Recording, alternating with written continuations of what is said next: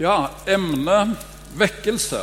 Og som jeg sa, denne historien forteller oss om en vekkelse i Israel, eller i, blant i Judaland. Og Jeg pleier alltid når jeg leser en tekst fra Gamle testamentet, minne meg og andre på det som Paulus sa i 1. Korinterbrev kapittel 10. To plasser sier han der, både i vers 6 og i vers 11 at uh, dette som skjedde i den gamle pakt, det skjedde som forbilder for oss. Og det skjedde som påminning for oss, for at vi skulle ta lærdom av det. Og uh, sånn med dette kapitlet det som er fortalt oss her, det skjedde som påminnelse og lærdom for oss. Sist uke hadde vi han eh, innante her en kveld, på oppstart. Han som er ungkar i tredje generasjon, som han sier. Og Han eh, hadde da sitt eh, innlegg, som han pleier, og så heiv han av seg uniformen. Og Da kom han inn på dette med hva vekkelsene hadde betydd i Ryfylke. Hvordan Ryfylke før vekkelsene var et mørkt fastland med mye drikk og elendighet og, og, og mye mørke. Men så kom vekkelsene og snudde opp og ned på hele Ryfylke. Og mange av dere som sitter her, er resultat og frukter av disse vekkelsene flere generasjoner etterpå. Så dette med vekkelse det er noe som Skriften òg kjenner til. Og det var ikke alltid det var åndelig vekkelse i Israel, det vet vi godt. Og denne tida som vi lever i her, er i grunnen en mørketid. Det er som jeg sa, rundt 630, rundt 620 år før Kristus. Denne Josia, som ble konge, åtte år gammel Far hans heter Amon, det leser vi om i kapittel 33. Han ble konge da han var 24 år og ble eh, drept av sine egne etter to år. Og bestefaren heter Manasseh, og han var en av de aller verste kongene Israel hadde hatt lenge. Han til og med ofra griseblod i helligdommen, står der. Og han bygde alteret i, i tempelet, Guds tempel.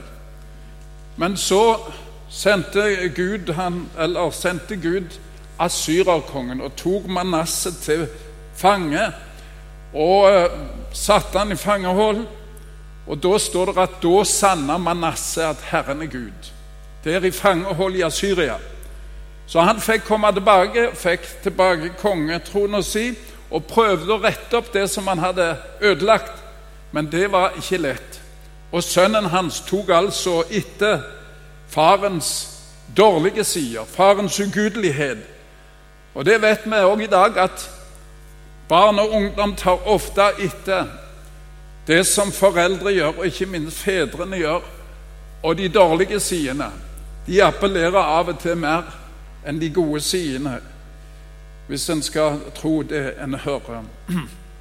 Men så er det altså da når far blir drept som en 24-åring, så setter de inn Josia, åtte år gammel, som konge. Selvfølgelig hadde han, hadde han folk rundt seg, gode folk rundt seg. Og det var ei tid i Israel med ugudelighet og avgudsdyrkelse. Og det var blitt veldig vanlig å leve verslig, altså ikke verslig sånn at de kutta ut eh, Gud, men de blander eh, avguderi med å gå i tempelet og tilbe den sanne Gud. Og de tok, For de ville være like naboene. De ville gjøre sånn som kananittene gjorde. De hadde guder både for eh, høstofringer og for å få god avling og fruktbarhet. Og sånn ville israelittene òg ha det. Så de tok etter, men samtidig så tilba de Javé, eller de tilba sin Gud. Så samvittighetene var fullstendig sløva.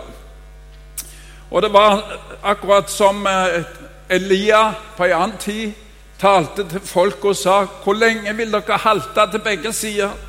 Hvis Gud er Gud, så tilbe Han, og hvis Bal er Gud, så tilbe Han. Og her midt i dette mørket kommer denne unge kongen og eh, så er det skrevet liksom en, en, et minneord om han i de første versene her, det andre verset. Han gjorde det som var rett i Herrens øyne, og vek ikke av verken til høyre eller til venstre. Og Det står en annen plass om kong Josia at det før han var det ingen som han, inkludert kong David, faktisk. Og etter han kom det ingen som denne unge kongen, kong Josia. Og um, vi ser i vers 3 her at det åttende året av sin regjering, da han ennå var en ungdom, begynte han å søke David sin fars Gud. Som 16-åring bestemte Josia at 'jeg vil følge den sanne Gud', uansett hva det vil koste.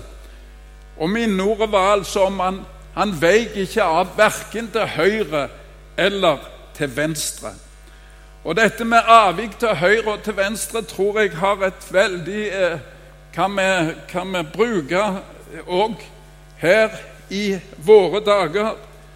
For er det noe som eh, som holdt på å si, Er det noen som kan holde hodet klart og finne den rette kurs og holde en stødig kurs midt i alt det som stormer i åndens og kristendommens verden?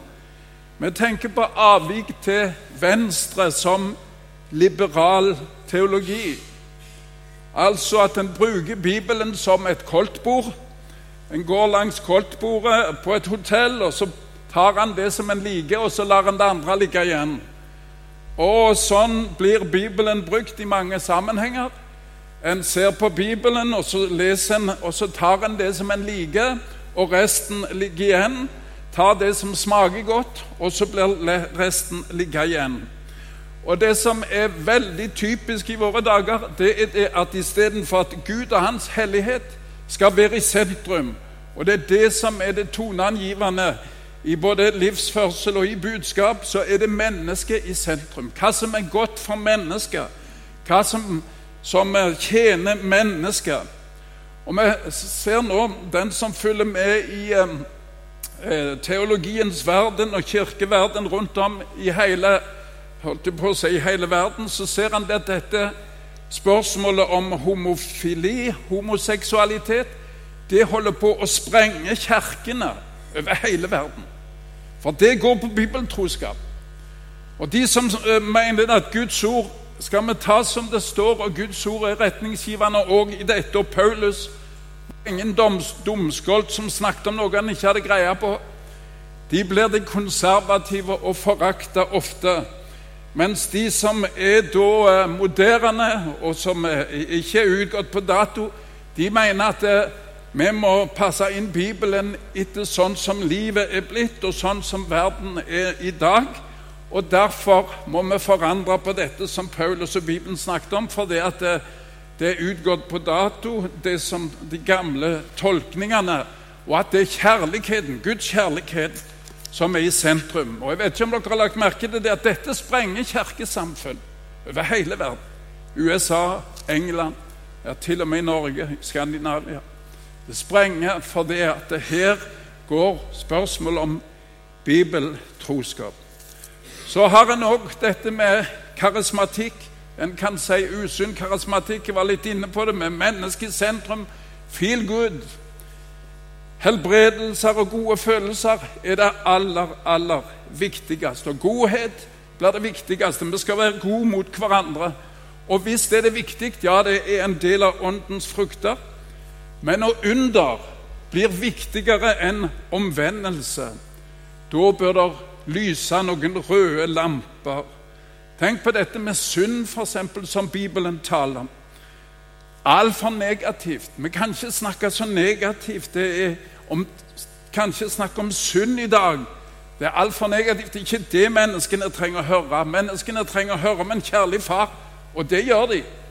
Men hvis en kjærlig far blir presentert uten det hele bildet av hvem han er, så blir det i bunn og grunn en feil et feil bilde av vår far, som òg er en fortærende ild. Så har han avvik til høyre. Det, kan det være noe? Altså de konservative. Går det an å være altfor konservative òg? En ser at Jesus han kolliderte med de gamles forskrifter. For det var ikke snakk om at det bare var, var det som sto skrevet, men det var alle disse bud og regler som eh, var lagt i tillegg. Og vi som var i Afrika og møtte denne brødrevekkelsen der, vi så veldig tydelig mange av disse tingene her, hvor vanskelig det var for ungdommen å bli kristne, for de eldre ville at de skulle passe inn akkurat i den skuffa.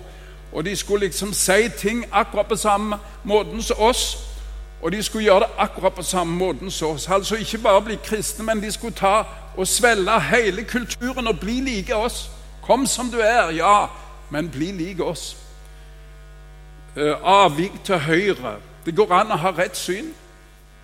Og um, rett lære. Fariseerne de studerte Skriftene, men de hadde et kaldt hjerte. Hvis ikke du mener det samme som oss, er det noe galt med deg. Og sånn ble de Jesu uvenner. Mens uh, Josia han fant veien midt imellom dette. Han veik ikke av verken til høyre eller venstre. Han holdt stø kurs. Han brukte Skriftene, ser vi etter hvert, men ikke til å begynne med. Men som 16-åring så bestemte han seg for å følge David sin fars Gud. Nå hadde David levd mange generasjoner siden, men David han var far for denne klanen, for denne stammen, og regna som den som frykta Herren, og som var forbilde.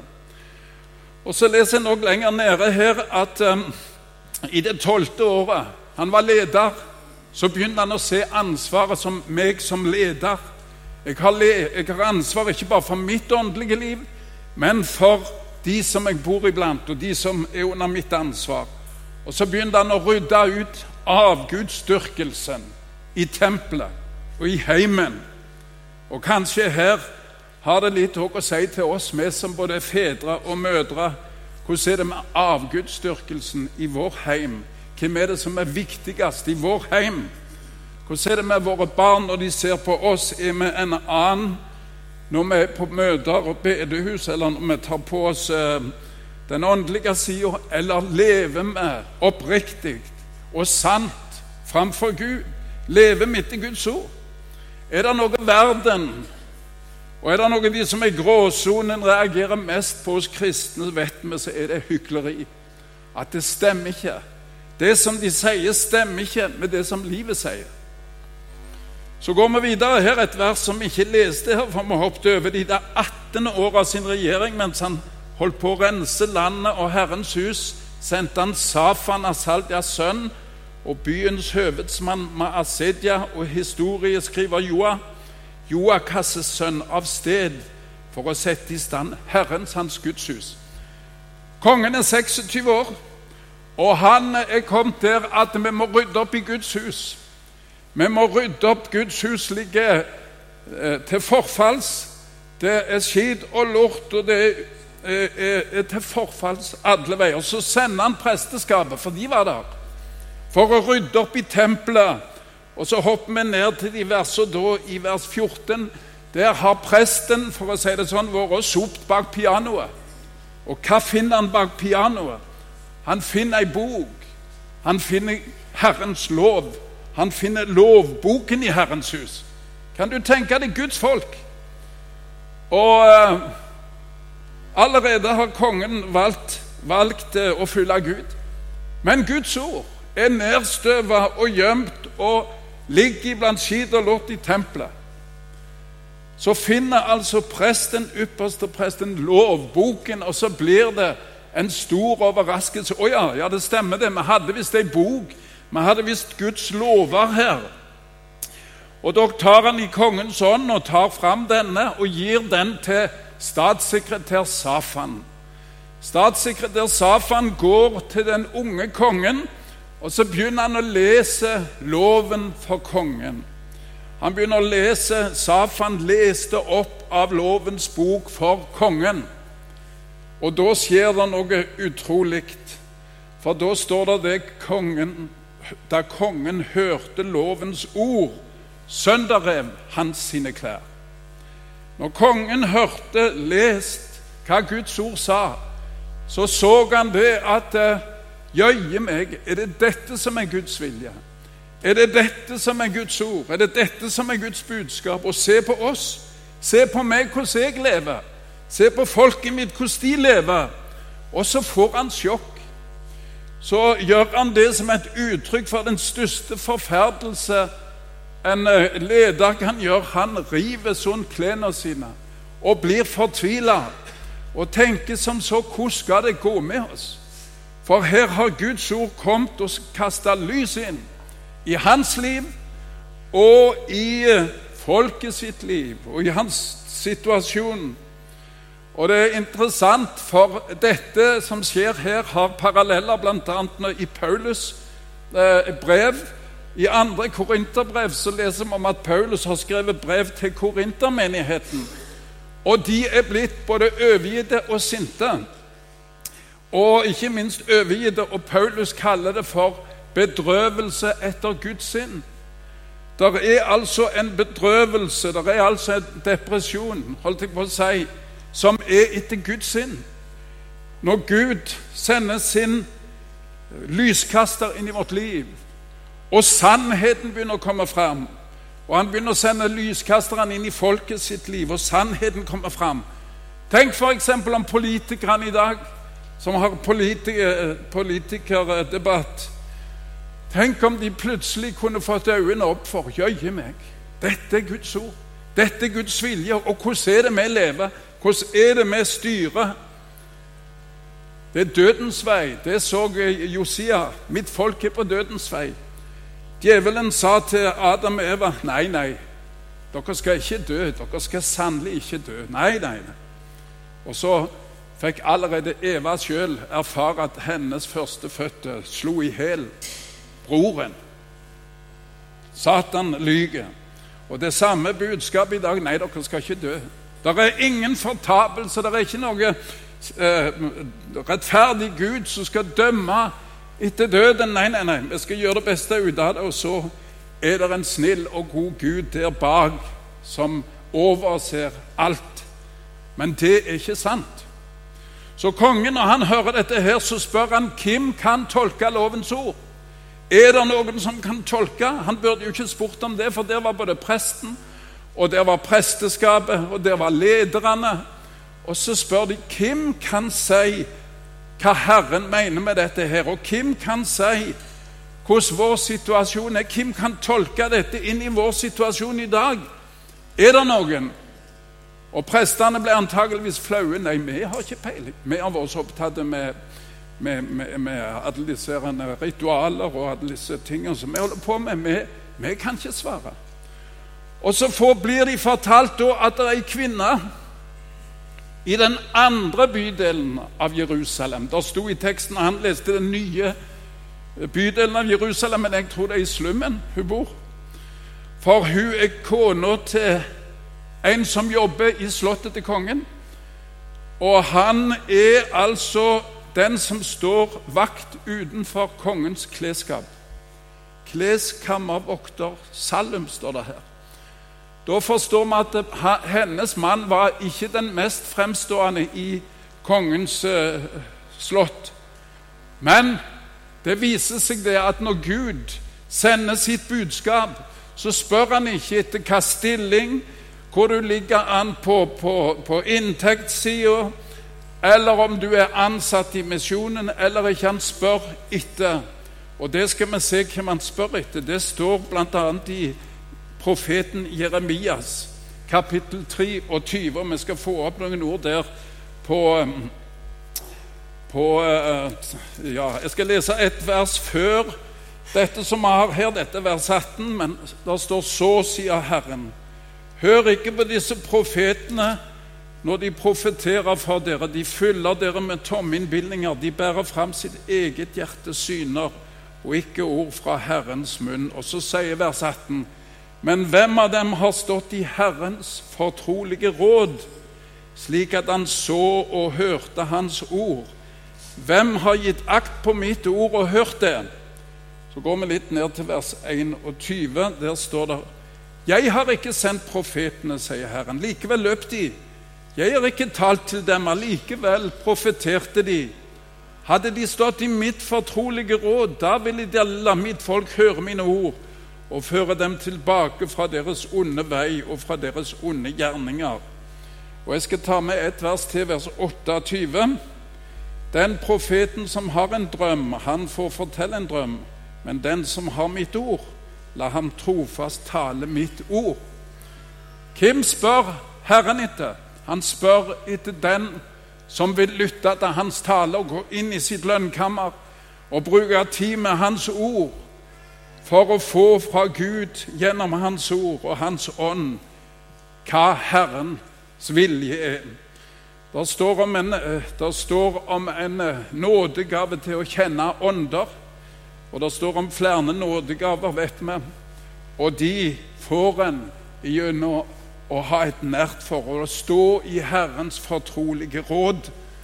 Og Det er utrolig interessant å se denne historien her.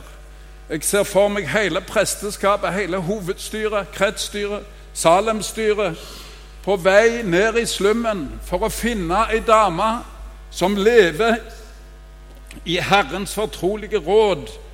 Det går jo imot sikkert Misjonssambandets kvinnesyn å gå og spørre ei dame om hva Herren sier. Det jo, hun skal jo komme med en læreuttalelse. Men jeg har tro på tjenestedeling. Jeg har det. Jeg tror ikke kvinner skal være biskop, blant annet. Men Gud er ikke bonden av det.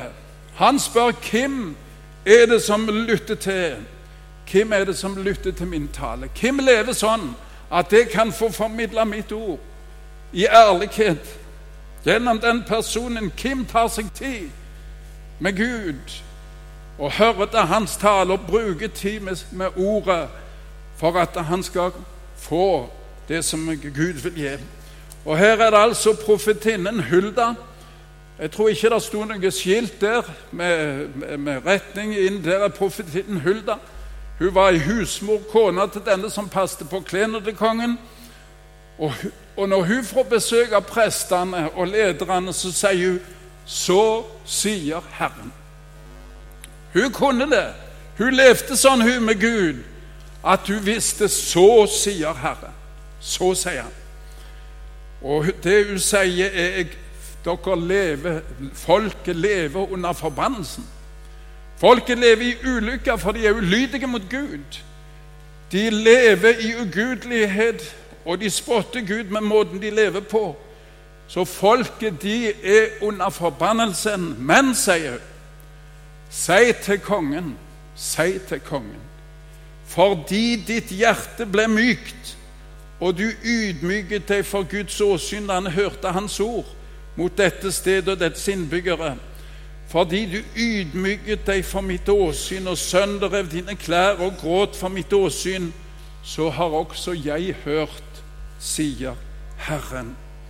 Folk er under dom, men du som leder, som søker min vilje, du som spør hva sier Gud, du har forandra ditt folks skjebne fordi ditt hjerte ble mykt så, og du ydmyket deg for Guds åsyn.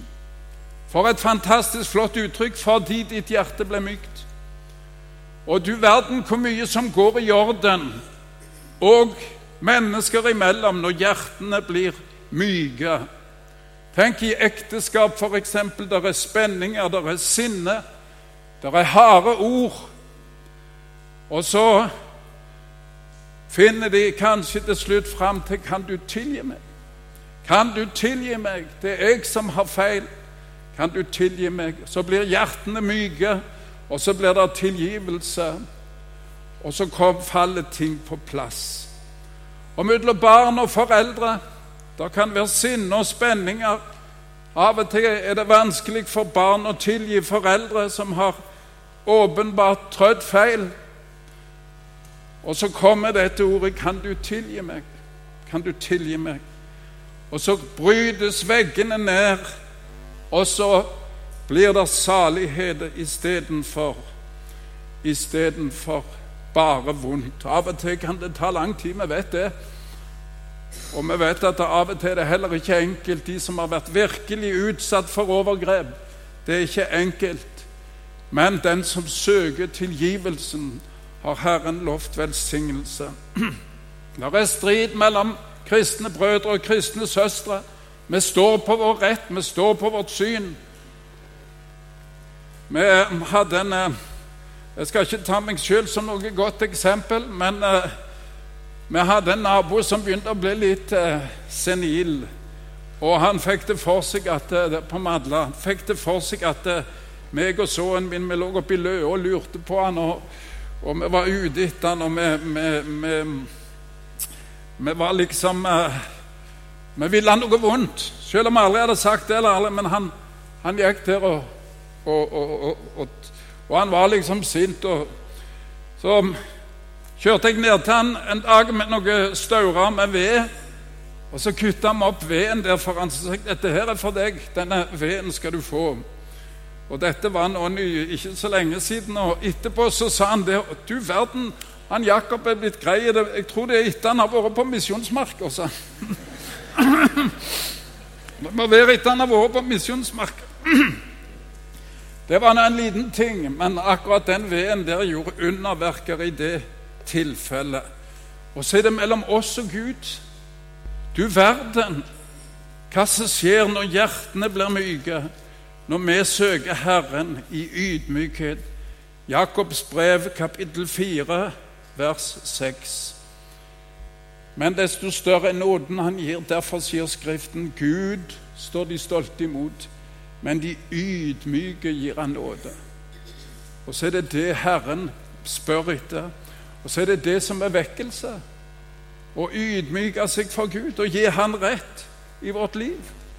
Og det var det som Josia ikke bare berga sin familie, men han utsetter dommen over sitt folk.